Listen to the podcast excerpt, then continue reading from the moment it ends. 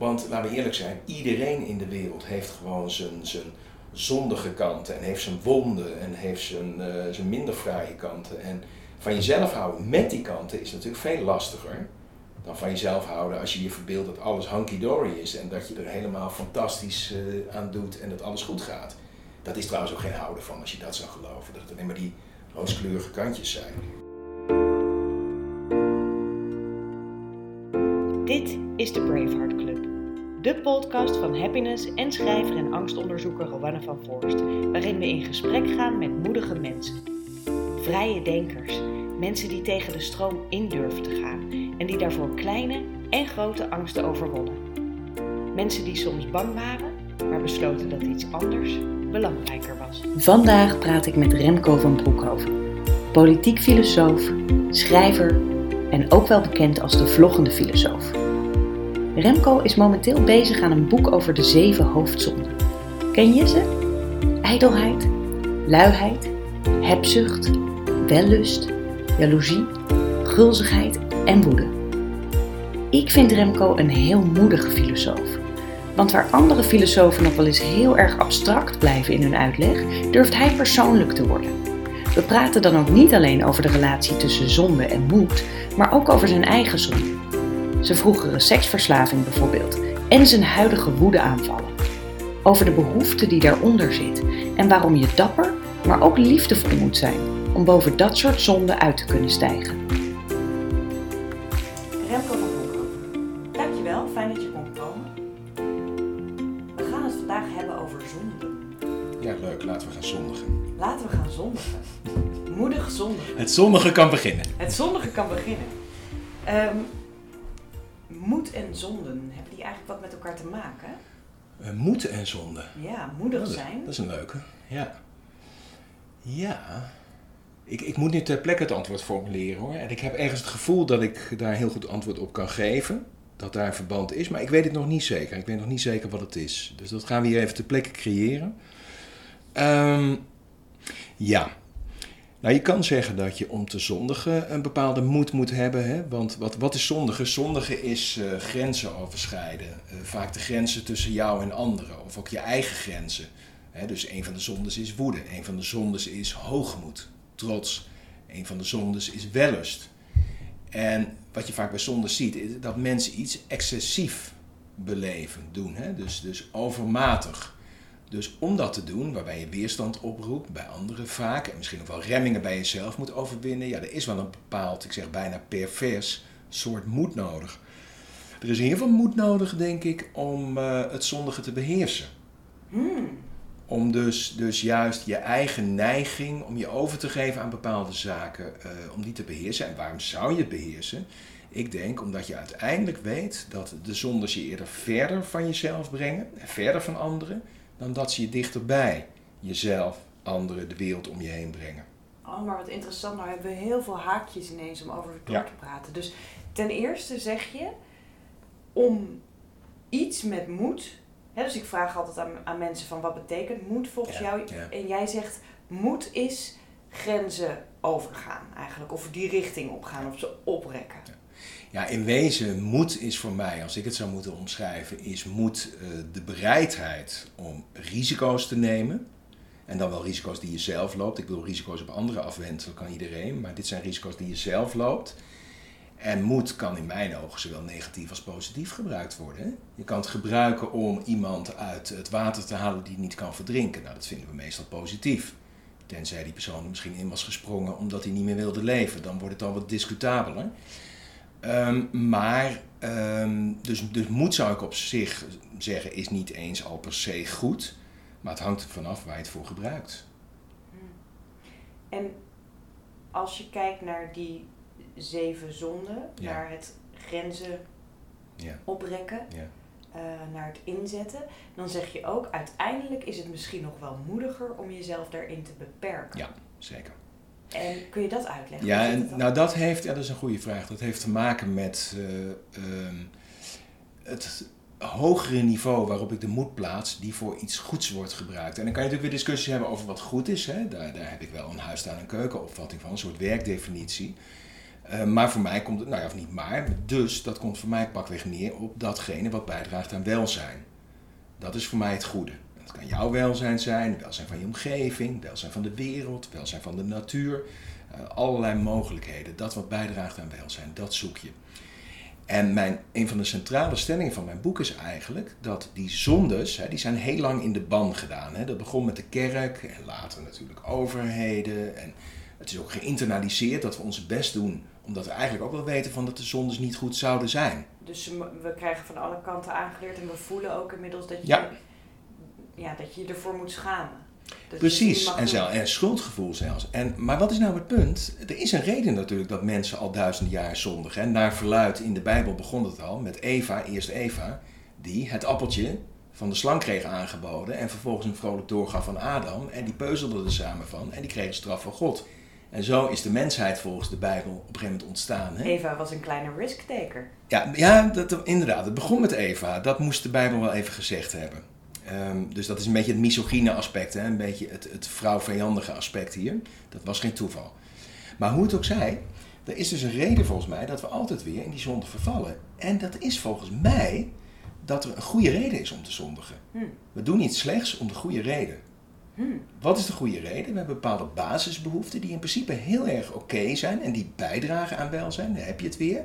Maar via de zonde kanaliseren we die behoeften op de verkeerde manier. We jagen het goede op de verkeerde manier na. Namelijk op een manier die ons juist verder brengt van welzijn. Hmm. En de grote uitdaging voor mij in het boek is aangeven van wat blijkbaar de goede behoeften achter de slechte gewoonten zijn. En hoe we die goede behoeften ook op een goede manier zouden kunnen vervullen. Dus de zondes in iets beters om te zetten.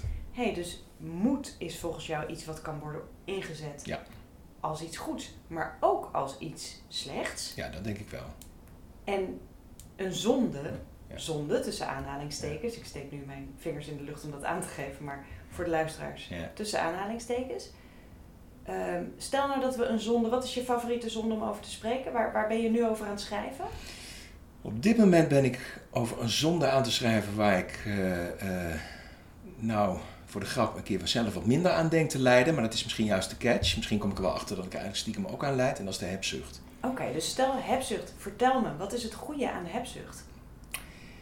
Het goede, zou ik zeggen, niet zozeer aan de hebzucht, maar achter de hebzucht inderdaad, dat de hebzucht aandrijft, is bijvoorbeeld dat we een bepaalde bestaanszekerheid willen voor onszelf, voor onze kinderen, voor onze naasten. We willen zeker weten, of we, willen, we denken zeker te kunnen weten, dat we niet ten onder gaan als we maar veel spulletjes op elkaar stapelen, als de bankrekening maar goed gevuld is, noem maar op. Dat is één goede reden. Een andere goede reden is, denk ik, en die zie je bij de hebzucht, eh, bij CEO's, bij bankiers, bij, bij heel veel mensen, ook gewoon bij gewone mensen, dat is dat ze eigenlijk erkenning willen. Ze willen gezien worden door anderen. Dat is een hele basale menselijke behoefte, ook een hele goede en logische behoefte. Willen gezien, gehoord, uh, gekend worden. En er zijn een hoop mensen, denk ik, die die behoefte omzetten in rijkdom. Kijk mij er zijn, kijk mij spullen hebben. En dan hopen dat je daarmee gezien wordt. En dan slaat het om. Dus maar, maar het begin is, hé, hey, het is gewoon oké om spullen te willen hebben, want dat heeft een functie. Daarvoor kan je, daardoor kan je goed zorgen voor jezelf en voor je omgeving. Precies. En zolang dat dus niet in dat, uh, in dat veelkoppige monster verandert van, uh, van de zonde, waardoor je paradoxaal genoeg, hè, dat is de schijnbare tegenstrijdigheid, alleen maar verder raakt van die vervulling. Want wat je vaak ziet is als je heel hebzuchtig bent, dat mensen je niet gaan zien voor wat je bent, maar ze gaan zien wat je hebt. En dat willen ze misschien of dat verafschuwen ze. Hmm. dus je krijgt geen echte vrienden. Je krijgt ja, mensen die uh, afgunstig op je zijn, mensen die iets van jou willen hebben, die zelf ook hebzuchtig zijn. Ja. En je raakt eigenlijk verder van huis. En dat is eigenlijk een andere aanvliegroute die ik op een gegeven moment uh, realiseerde toen ik over die zondes aan het denken was. Het heeft ook met liefde te maken. Hè? Dat in wezen, je probeert liefde te krijgen, op wat voor manier dan ook, maar niet door liefde te geven, maar door hem na te streven, door hem bij anderen te halen. Dat is in wezen ook het proces. Terwijl ik geloof, en dat heb ik ook in mijn eerste boek beschreven, in Staat van Tederheid, dat de kunst van de liefde is niet iets wat je, wat je ontvangt, of wat je moet verkrijgen of zelfs op moet eisen van anderen, dat is iets wat je geeft. Liefde is primair een geven aan jezelf en aan anderen. En in de zonde zie ik weer heel erg dat niet zelf geven, niet delen. Het heeft vaak niet met geven en delen te maken, maar veroveren, verkrijgen, Is, opeisen. is, is, Nooit genoeg. Is liefde geven dan eh, ook een beetje de keerzijde van wellust? Of hoort dat meer bij de hebzucht voor jou? Eh, ik denk dat je liefde eigenlijk in al die zondes terug kan zien, of beter het gebrek aan liefde en ook de behoefte aan liefde. Hè, vaak de mensen natuurlijk die het meest gebrekkig zijn qua liefde, hebben er ook het meest van nodig, want die hebben niet zelf al de, de warmte in zich. Eh, maar je ziet het inderdaad in de hebzucht terug, daar gaf ik net het voorbeeld van, maar ook in de wellust inderdaad. Hè, Ik denk dat je wellust kan je zien. Eh, d- dit is ook maar een paar van de ideeën die ik hier nu over heb, want ik ga hier het komende jaar verder over schrijven. En dan kom ik wellicht weer op nieuwe ideeën, op betere ideeën. Eh, maar ik zie, zie, zie wellust en, en bijvoorbeeld seksverslaving en MeToo en dergelijke, want ook daar zal ik over gaan schrijven. Dat zijn allemaal vraagstukken die hieraan raken. Ja, er zit vaak natuurlijk gewoon een hele menselijke logische behoefte aan intimiteit onder. Hè? Of erkenning? Of ook erkenning. Je wil mooi gevonden worden. Je wil iemand dat, dat iemand jouw lichaam mooi vindt en dat laat zien. Eh, ja, je zult alleen ontdekken, en dat heb ik zelf ook in mijn leven meegemaakt toen ik nog, eh, nou ik ben ook in zekere zin een tijd seksverslaafd geweest. En dan, dan, dan zul je merken dat je uiteindelijk alleen maar verder wegraakt van de echte intimiteit. Hè? eh, dus, dus ook daar zie je dat er een verschil is tussen de liefde geven en iets wat je interpreteert als liefde, opeisen of zelfs afdwingen, eh, wat mensen zelfs tot en met de aanranding en de verkrachting aan doen. Oscar Wilde heeft daar iets heel moois over gezegd ooit. hè. Oscar Wilde die zei: eh, Everything in life is about sex. Except sex. Sex is about power. En daar had hij gelijk mee, maar ik denk op een andere manier dan mensen het meestal interpreteren, nu ook weer met Me Too. Hè. Dan gaat het heel erg over eh, ja, ongelijke machtsverhoudingen op de werkvloer of waar dan ook. En dat is absoluut ook een aspect. Maar voor mij is omgaan met seksualiteit ook heel sterk de macht hebben, het vermogen hebben om jezelf te beheersen. Daar heb je het weer. Ja. Want je, natuurlijk word je gegrepen door de schoonheid van mannen, van vrouwen. Ehm, natuurlijk, maar dat wil toch niet zeggen dat je er als een hondje achteraan hoeft te, te huppelen. Of dat je dat, het, mag denken dat het jouw recht is om dat te krijgen. En waarom zou je mensen alleen als uiterlijke schoonheid zien? Ze zijn zoveel meer. En jij zegt op het moment dat jij, en ik pak hem nu even persoonlijk omdat je hem zelf ook eh, opwierp, hè, dus zeg, jij ontdekt op een gegeven moment, hé, hey, ik ben eigenlijk verslaafd. Dat wat ik aan het doen ben heeft helemaal niet te maken met ehm, alleen maar liefde, maar heeft te maken met mezelf en een soort verslaving. Ja, zeker.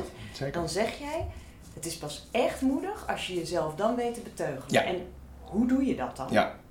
Wat heb je daarvoor nodig? ja, het begint natuurlijk allemaal bij bewustwording. Ja.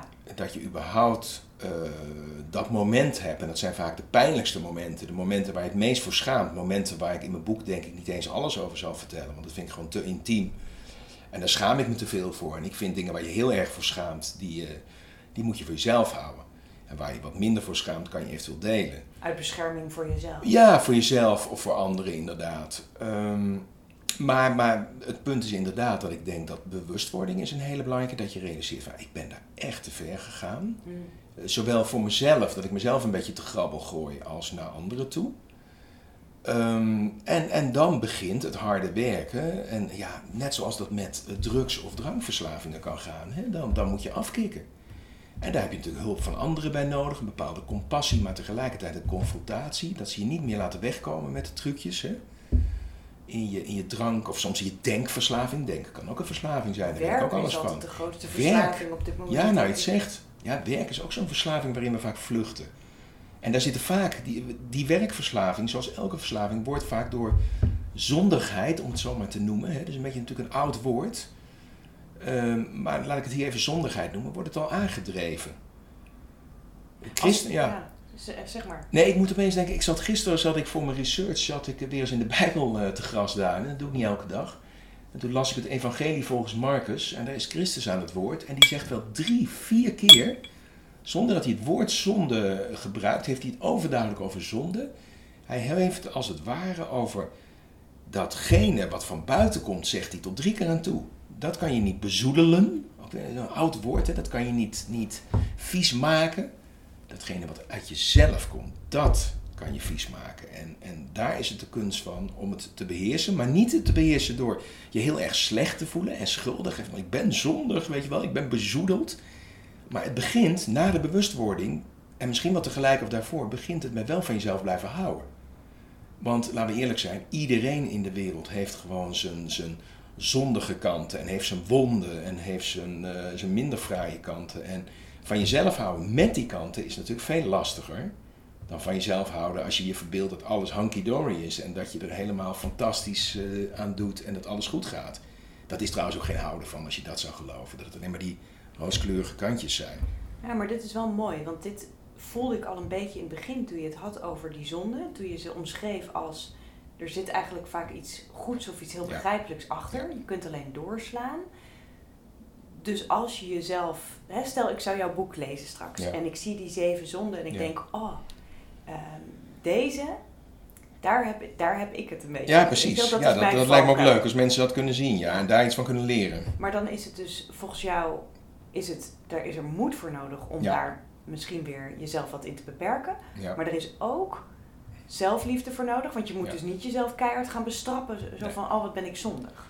Nee, dan, heb je, dan zou je het weer over het verkeerd soort moed hebben. Hè? Dan, dan inderdaad, uh, dan neem je ook risico. Um, maar vanuit een soort, soort haat en verwerping en een afwijzingsgevoel hè, neem je dan het risico dat je uiteindelijk jezelf helemaal verliest. En wat gebeurt er vaak? Dat zie je heel vaak bij van die ontzettende orthodoxe benepen christenen, die dan constant roepen van je mag dit niet, je mag dat niet.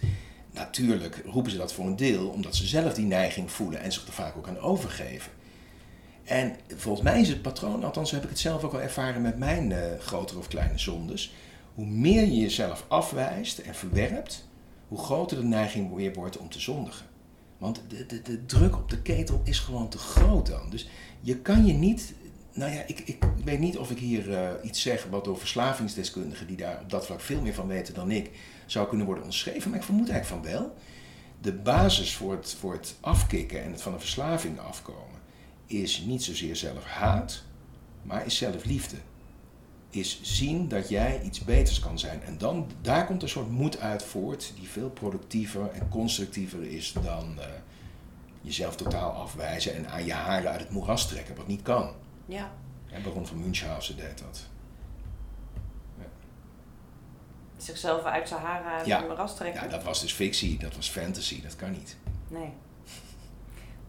Nou ja, het, het ergens kan het een soort van wel, maar dan je kunt jezelf dus boven jezelf tillen. Dat is eigenlijk wat je zegt. Misschien niet aan je haren. Nee. Maar nee, en daar heb je ook vaak, net als in die moerasmetafoor, heb je daar vaak hulp voor nodig. Moet iemand een handje toesteken. Uh, maar het is vooral heel veel krachtsinspanning van jezelf. En erin geloven dat het uh, misschien gaat kunnen. Dat noemen ze hoop. Ja. Ja, ja. ja, ik vind het fijn dat je dat zo eerlijk zegt. Ik heb zelf altijd um, als ik wel eens praat met mensen over angsten overwinnen, zeg ik ook vaak tegen ze de methodologieën die ervoor bestaan, hè, zoals Fearlessly Fearful en zo, die, die werken.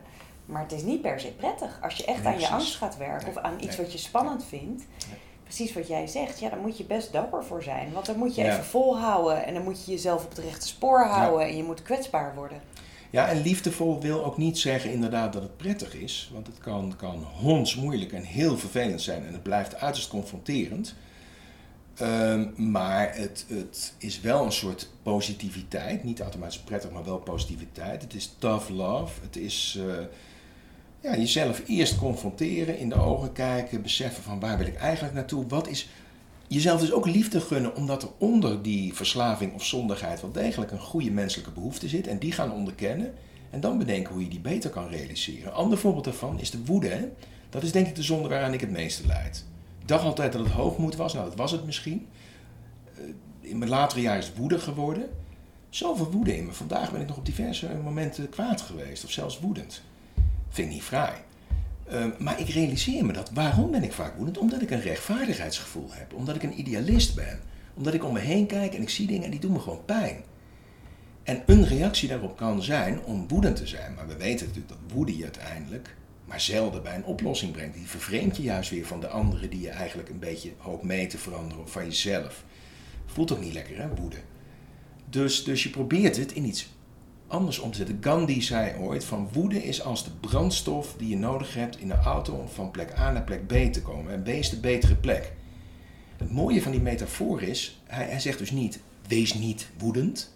Woedend zijn is slecht. Gandhi gaf toe dat hij zelf heel vaak woedend was. Alleen, wat is natuurlijk het mooie van de metafoor? Brandstof wordt verbruikt en in energie omgezet. Dus dan is het op een gegeven moment geen woede meer.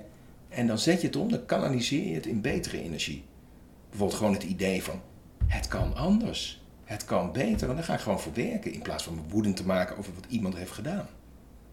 Dus wat, als we, als we kijken naar de woede of naar een verslaving, wat brengt het je als je zo moedig bent om te gaan werken aan die zonde? Wat heeft het jou gebracht bijvoorbeeld om te proberen daar bovenuit te stijgen? Uh, meer zelfliefde, meer openheid voor, uh, voor de rest van de wereld. Ik bedoel, als je niet meer kwaad bent, dan, eh, dan ben je natuurlijk beter in staat om gewoon de dingen te zien die goed gaan. En dan, dan heb je een bepaalde mildheid naar mensen. Van, ja, ik vind het gedrag niet leuk dat ze vertonen, maar er zit misschien ook iets anders in ze. En, en misschien kunnen we daar uh, samen komen als ik iemand op een niet woedende manier aanspreek. En ook mezelf kwetsbaar opstel en laat zien van ja, ik heb ook niet alle antwoorden. Um, dus dat is denk ik wat het brengt. En een ander voorbeeld is inderdaad, ja, ik ben blij bijvoorbeeld dat ik van die seksverslaving af ben. Pff, ik, zou niet aan moeten denken dat ik nu op mijn leeftijd, ik ben nu 52, weet je wel, en ik heb een dochter van 9, dat ik nog zo zou rondlopen. Dat, dat vind ik niet erg verheffend. Het is bijna geen ethiek meer, maar esthetiek. Van hoe ziet het eruit, weet je wel? Is het mooi of is het lelijk?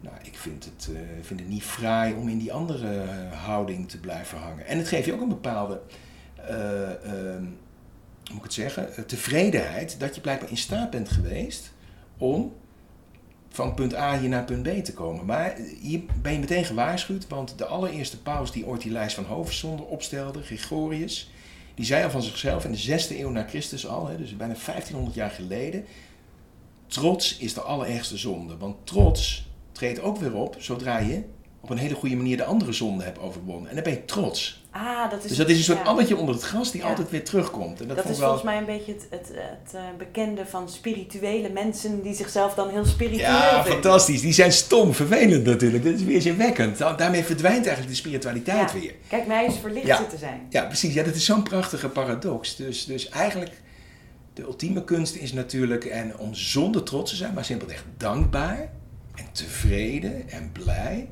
Oké, okay. gelukkig blijkbaar kan ik van A naar B komen. Wat ik ook best wel moedig vind, is uh, open durven zijn over je zonde. En ja. jij bent dat nu in de podcast en je ja. bent het ook in je boek. Ja. ja. Dat is kwetsbaar. Ja, en ook dat kan weer een trucje worden. Hè? Dat, dat kan ook, kijk mij eens kwetsbaar zijn. Dat schrijf ik op een gegeven moment ook in mijn boek. Als ik over hoogmoed, over trots en ijdelheid schrijf.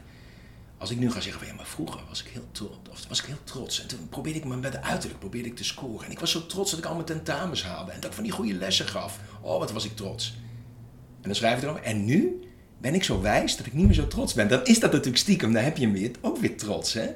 Maar goed, nu speel ik er een beetje mee. Nu is het een beetje een gimmick. En ja, maar woede is bijvoorbeeld iets waar je nu van zegt, ja, dat heb ik nog steeds. Ik was ja, daar ben ik echt niet vanaf. Dat is, daar ben ik bang de allertaaiste zonde in mijn geval. Ik, ik heb de bange vermoeden dat tegen de tijd dat ik het boek over een klein jaartje publiceer, dat ik nog steeds vaak woedend ben. Uh, ja. Vind, vind je dat soms, als je gaat schrijven, vind je dat soms spannend om dingen op te schrijven daarover? Of nu aan mij te vertellen? Mm, nee, omdat ik uh, heel erg geloof, dat is al iets heel ouds bij mij, van de tijd dat ik journalistiek studeerde en van de tijd dat ik begon te filosoferen. Dat was bij mij al op mijn zesde of mijn zevende, denk ik. Ja, ik ben gewoon geïnteresseerd in waarheid en in werkelijkheid. En ik zal niet zeggen dat, zoals de Bijbel het al zegt, uh, de waarheid je zal bevrijden. Want de waarheid is niet altijd leuk hè, en kan soms heel beklemmend zijn. Maar ik geloof, ja, wat nou eenmaal zo is, dat, dat heb je gewoon te benoemen en onder ogen te zien. Dat wil niet zeggen dat je het met iedereen op elk moment zal delen. Daarom zei ik er net al, er zijn dingen in. Nou, maar zeker er luistert, mijn... niemand naar deze podcast, hè? Het is gewoon you and me. gewoon you and me. Precies, ja, dat is de eeuwige journalistieke leugen natuurlijk. Um, nee, maar ik, ik, ik ik zei er net al, bij de wellust zal ik niet alles delen wat ik daarin heb meegemaakt en gedaan. Dat, dat vind ik gewoon te privé. Uh, en, te, en daar schaam ik me ook te veel voor. Uh, en misschien dat dat soms bij de andere zonde ook wel zo spreekt. Maar ik hoop wel dat ik het essentiële, het belangrijke, de geest, krijg je mee. Ik bedoel, datgene, dat heb ik er net ook benoemd. Daar heb ik geen, geen doekjes om gebonden, denk ik. En dat ik dan niet alles wil vertellen wat ik in mijn leven heb uitgehaald. Ja, dat, uh, dat is dan twee. Mag ik nog heel eventjes terug naar dat, want ik vind het heel interessant. Van als je kijkt naar wat ik in jou hoor, is eigenlijk om die moed in te zetten. Om over een zonde, uh, nou niet eroverheen komen, dat vind ik niet goed gekozen. maar nee, om te leven, ja, om hem te, te omhelzen. Ja, en om wat te tempelen of wat meer voor je te laten werken. Ja, precies. Daarvan hoor ik. is mooi gezegd, gewoon, voor je te laten werken. Ja. Mag je gewoon gebruiken in je boek, zo ben ik. Ja, ja, maar bij deze is wel genoteerd dat hij Jij hebt hem bedacht. Ja, puntje voor mij erbij. Copyright. Ehm, maar als je dat gaat doen, dan hoor ik dus als eerste dat je zegt, je moet in jezelf duiken en je moet daar heel eerlijk over worden van, hé, hey, wat, wat ben ik nu aan het doen? Dus dat is een manier om daarmee te gaan Als je er voorbij wil komen wel. Ja. Of eh, beter gezegd, voor je wil laten werken. Ja. En, en wat, is een, wat heb je nog meer, wat heb jij gebruikt in die moed om, om zoiets onder controle te krijgen? Um, wat volgens mij ook werkt, is. Uh, mm, je openstellen voor, uh, voor wat anderen daarover te zeggen hebben. Ook al is dat heel onprettig om te horen. Oeh, ja, dat is wel pittig. Dat is, dat is natuurlijk ook een. Ik, ik zat. Uh, van de week gaf ik nog een uh, cursus, een hele leuke cursus aan communicatiedirecteuren over ethiek. En daar, daar vertelde ik hen over ja, eigenlijk mijn, mijn concept, dat ik dus ook in het boek zal uh, gebruiken, van de ethiek 3.0, ofwel de driedimensionale ethiek. Um, waarin op een gegeven moment een van de deugden, hè, ik, ik, ga voor een deel terug naar de klassieke deugdenethiek, zoals Aristoteles die bedacht. Het idee dat je dus bepaalde vaardigheden, morele vaardigheden in je, in je leven ontwikkelt. En die ontwikkel je door, door schade en schande, door vallen en opstaan. Net zoals je bijvoorbeeld bepaalde spieren of een conditie kan trainen, kan je je morele capaciteiten ontwikkelen. Um, en, en een van de deugden die daarbij heel Aristoteliaans een rol spelen, um, is de, de, um, hoe moeten we zeggen, waarachtigheid, oprechtheid. En oprechtheid komt er neer, A, op neer dat je de feiten onder ogen ziet. Daar heb je het weer, wat we het net over hadden. Gewoon dat wat is. Ja, je hebt recht op je eigen opinie, maar je hebt niet recht op je eigen feiten. Ja. Dat is tegenwoordig trouwens door sommigen betwist. En een tweede is dat je uh, luistert wanneer anderen iets te vertellen hebben over jou, ja, zeg maar, inadequaat zijn. Hm. Waar jij het, het in hun ogen laat afweten dat je daarvoor openstelt, dat je dat incasseert, dat je daar ook je voordeel mee doet. Maar hoe doe jij dat dan? Want ga je dan, vraag jij regelmatig aan vrienden of geliefden of mensen die je vertrouwt van jongens, geef mij eens even een potje constructieve feedback? Ja. En, en, en als ik dat niet vraag en ze doen het ongevraagd, en dat doen mensen natuurlijk vaker, uh, misschien wel juist als het je vrienden zijn, dan, uh, ja, dan is het uh, stilzitten en geschoren worden. En dan is het niet meteen gaan tegenspreken. Of soms spreek je het wel meteen tegen, maar realiseer je later van, oh nee, dat moet ik eigenlijk dankbaar voor zijn. Dus laat ik er nog maar even op terugkomen. En zeggen van sorry dat ik meteen terug begon te blaffen. Hm. Uh, dus dat, dat is het ook heel erg. Want we leven natuurlijk wel, dat, dat is ook een belangrijk element in mijn boek, dat dit is geen eenmansguerrilla. Hè? Dit is niet een project van dit gaan wij allemaal in ons eentje doen we hebben anderen nodig. En, en we gaan de hulp van anderen hierbij vragen. En dat is ook de enige manier om weer uh, wel verbonden te raken. Niet alleen verbonden met je eigen aard en met de natuur, het geheel, maar ook met de andere mensen. Zondigheid is ook heel vaak zondigen tegen je relaties met andere mensen. Dus denk jij dat als je gaat werken aan je zonde of als je gaat kijken naar je zonde, is dat een manier om relaties met anderen te verdiepen, zeg je dat? Ja, absoluut. Hoe oh, absoluut, absoluut. Um, nou ja, omdat volgens mij het essentiële element in relaties hebben is dat je het vermogen hebt om liefde te geven. En liefde geven is niet alleen daadwerkelijk de dingen doen waarvan je denkt dat ze bijdragen aan het welzijn van die ander.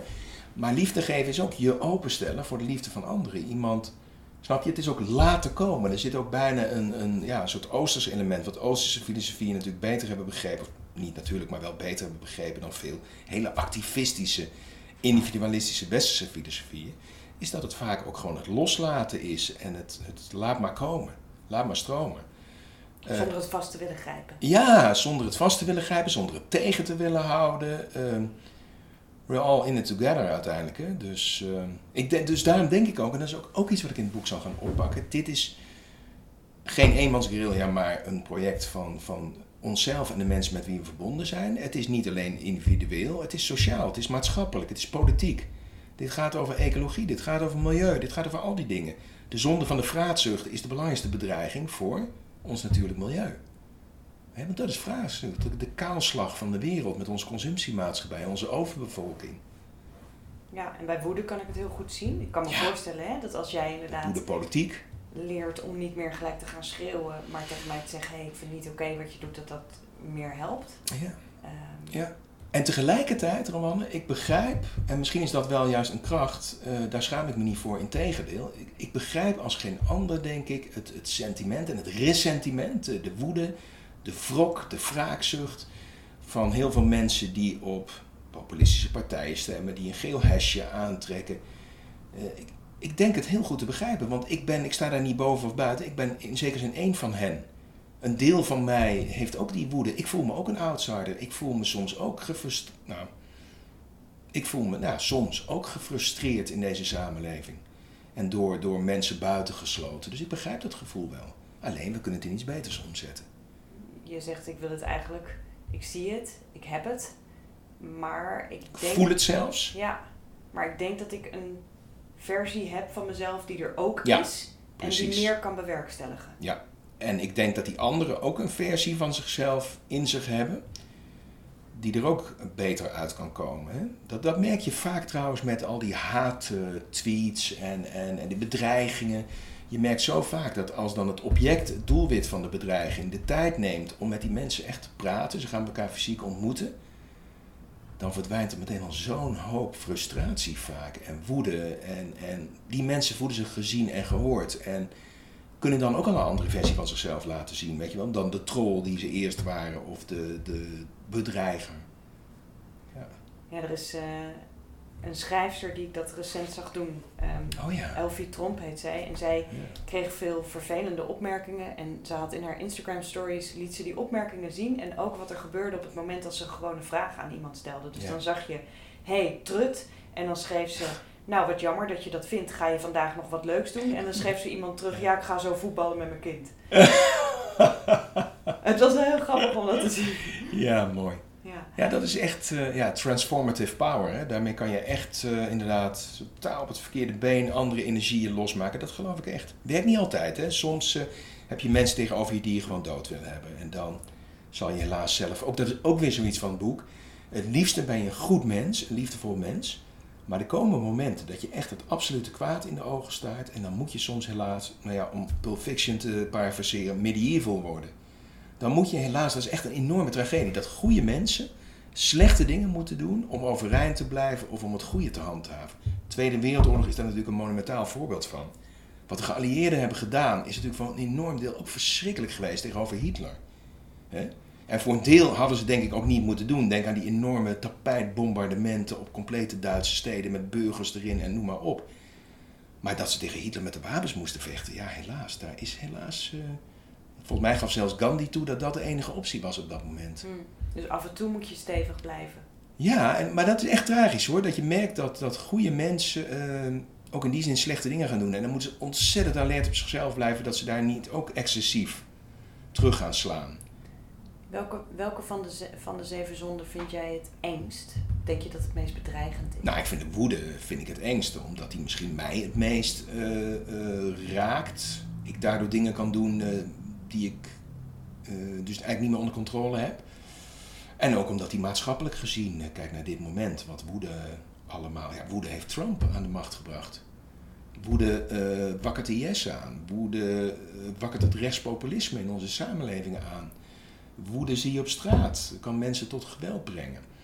Maar aan de andere kant, het heeft weinig zin denk ik om er eentje uit te lichten, want ze beïnvloeden allemaal elkaar en ze zijn allemaal op zich. Je kan ook zeggen, het is de hebzucht die überhaupt zoveel woede in onze samenleving heeft gecreëerd. Hè? Want die hebzucht heeft een kleine elite superrijk gemaakt. Dat leidt tot woede bij een grote groep anderen die vaak ook hebzuchtig zijn en het ook willen. Ze zouden minder woedend zijn als ze niet dezelfde hebzucht hadden, als je begrijpt wat ik bedoel. Dus ik denk dat je iedere zonde apart. Ja, het is een soort zevenkoppig monster. En uh, de vraag is of je de, koppen er apart moet, uh, moet afhakken.